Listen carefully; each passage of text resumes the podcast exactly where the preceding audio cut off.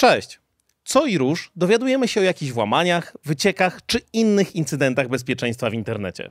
Zresztą sam staram się dawać Wam na bieżąco o nich znać w shortach. Ale pojawiła się dobra okazja, aby opowiedzieć o kilku przykładach nieco szerzej. Ostatnio na przykład głośno było o złamaniu systemów m.in. Ubera i Revoluta. A to nie brzmi dobrze.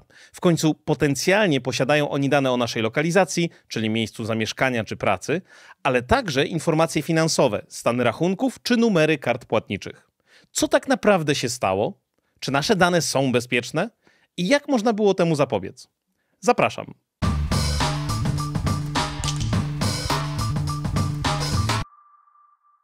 Piętnastego września internet obiega łamiąca wiadomość. Z różnych mediów płyną informacje, że włamano się do systemów Ubera, co potwierdza oświadczenie prasowe firmy. Lakoniczną korpomową dają znać, że mierzą się z incydentem cyberbezpieczeństwa. Część wewnętrznych systemów została natychmiast wyłączona, aby przeprowadzić dochodzenie. Autor całego zamieszania wysyła do prasy i nie tylko screenshoty repozytoriów kodu, zawartości firmowej chmury oraz poczty, co oznacza, że uzyskał kontrolę nad kontem administratora. Z jednej strony na pierwszy rzut oka widać, że jest naprawdę grubo, przynajmniej potencjalnie.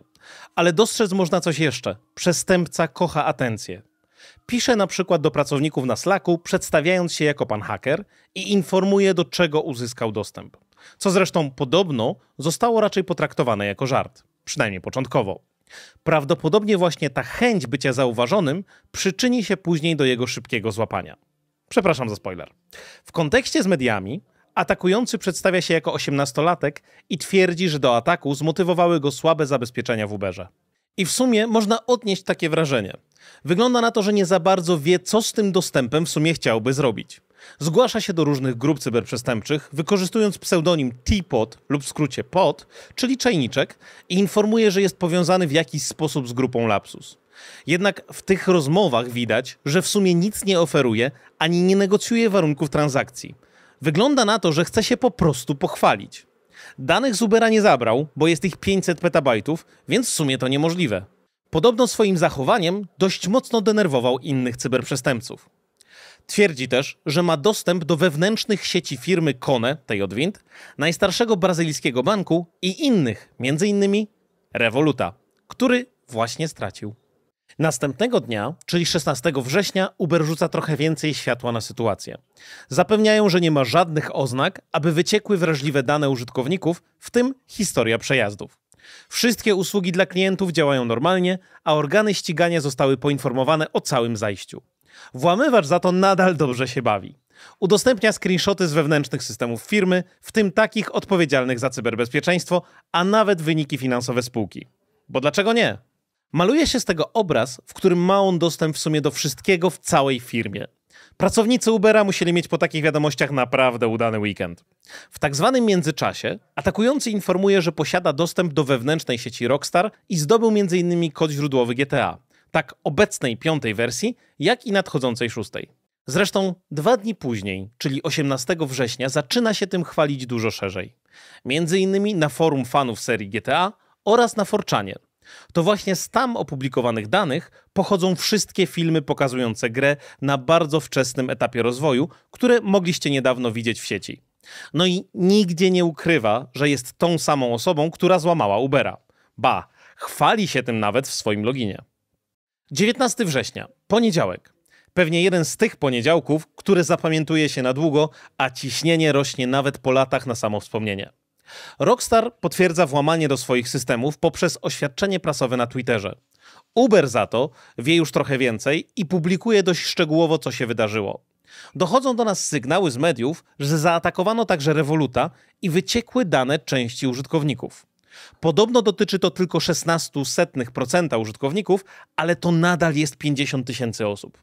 Dzień później, 20 września, Revolut oficjalnie przyznaje się do ataku. Zajęło im to trochę więcej czasu niż reszcie, no ale lepiej późno niż wcale. Na razie też nie podzielili się większą ilością szczegółów dotyczących tego zajścia. Dowiemy się może czegoś więcej w późniejszym czasie. Zapewnili jednak, że nie ma to żadnego wpływu na zgromadzone na rachunkach środki, czy też używane karty płatnicze. Poszkodowani użytkownicy zostali bezpośrednio poinformowani mailami. 22 września, w czwartkowy wieczór, mija tydzień od pierwszych doniesień o atakach. Tego samego dnia londyńska policja aresztuje podejrzanego o całe to zamieszanie 17-latka. To się dopiero nazywa speedrun. Nawet mistrzowie przechodzenia Mario na czas chyba muszą tutaj oddać królowi co królewskie. Smaczku całej sytuacji dodaje fakt, że niektóre źródła twierdzą, że jest to dokładnie ta sama osoba aresztowana z początkiem roku jako rzekomy mózg operacji grupy Lapsus, która odpowiedzialna jest za ataki na Microsoft, Nvidia czy Octę. Zrobiłem nawet o tym odcinek, link znajdziecie na karcie w rogu ekranu. Jeżeli to prawda, to pewnie tym razem nie wywinie się tak łatwo. Dobra, pochwaliłem się już, że wiem jak działa kalendarz. Ale co w związku z tym wszystkim? Czy dowiedzieliśmy się też, jak udało się złamać systemy tak wielkich firm? Tak, dzięki temu możemy nauczyć się czegoś na cudzych błędach. Zerknijmy na przykład Ubera. Rozpoczęło się od pozyskania hasła do konta pracownika firmy zewnętrznej, pewnie outsourcingowej. Dane te można było kupić w darknecie. Jak się tam znalazły? Ano ten nieszczęsny użytkownik pewnie zalogował się na służbowym komputerze na swoje prywatne konto, na przykład Google'owe, z którego wykradł je malware zainstalowany już na prywatnym komputerze. No ale jest przecież uwierzytelnianie dwuetapowe, prawda? No prawda. Atakujący znając login i hasło, próbował wielokrotnie dostać się do VPN-a Ubera, więc ofiara dostawała wiele powiadomień. I w końcu któreś z jakiegoś dziwnego powodu zaakceptowała. Ten atak w fachowej nomenklaturze nazywa się MFA bombing.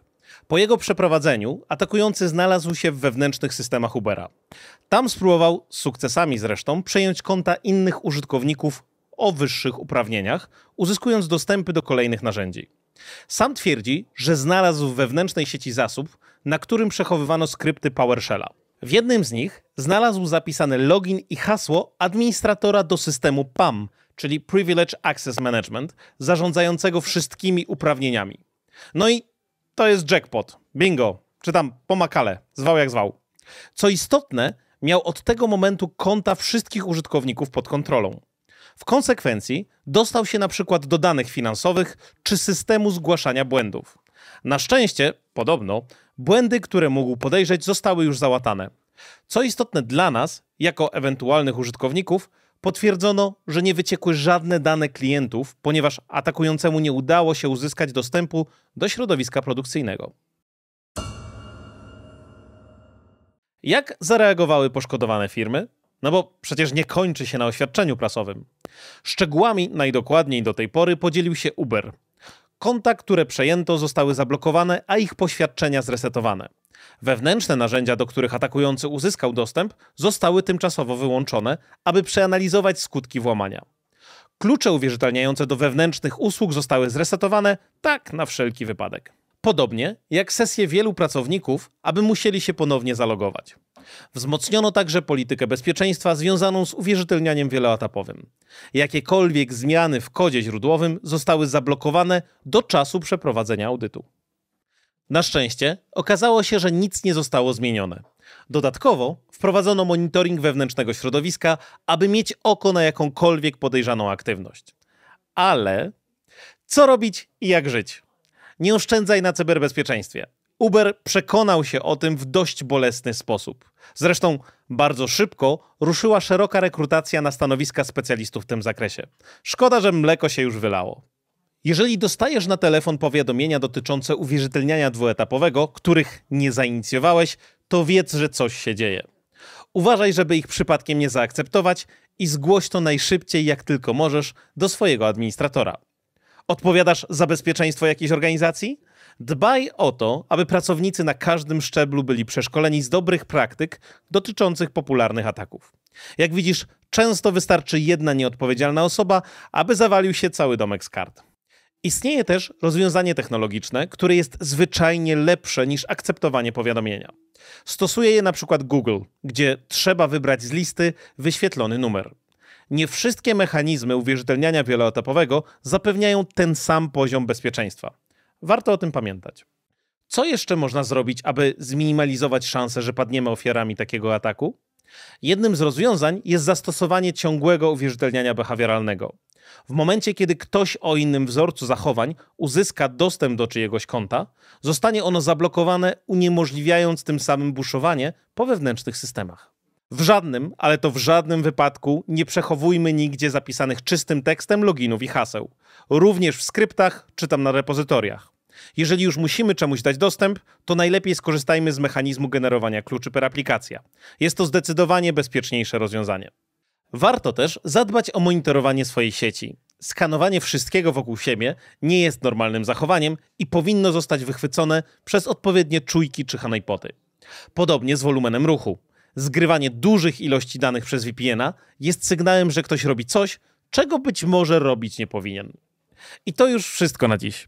Tymczasem dziękuję za Waszą uwagę i do zobaczenia.